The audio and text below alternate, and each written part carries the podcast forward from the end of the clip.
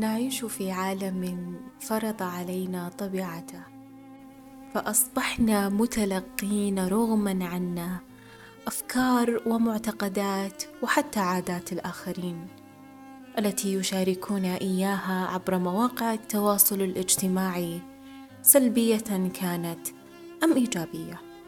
هل قد تساءلت يوما ما الذي يحدث لنا؟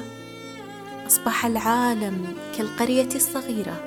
في انتشار الأخبار وتشابه العادات وحتى تشابه الأذواق. هل هذا الانفتاح المجتمعي أثر علينا سلبا أم ايجابا؟ من وجهة نظري أنه أثر علينا كلا التأثيرين ولكن بنسب متفاوتة يحددها الشخص نفسه. السبب الذي دفعني لطرح هذا التساؤل ومشاركته في هذا البودكاست هو أنني أدركت بأني في مرحلة من مراحل حياتي أصبحت شخصا متلقي أستيقظ صباحا لأفتح هاتفي على مواقع التواصل وتتبخر الساعات وأنا لم أدرك كحال الكثيرين منكم. لقد أصبح الترند سيد الموقف وأصبح التيك توك نافذة الحياة الصغيرة. وأصبحنا نتلقى ونقلد.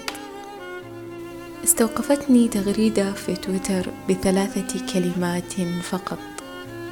ما عندي حياة.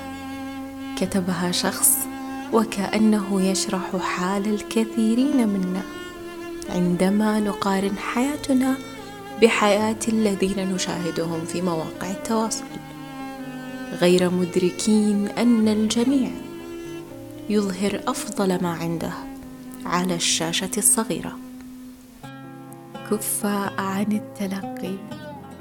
كف عن التلقي. كن واعي أن أفكار الآخرين يتبناها العقل الباطن دون أخذ إذن منا.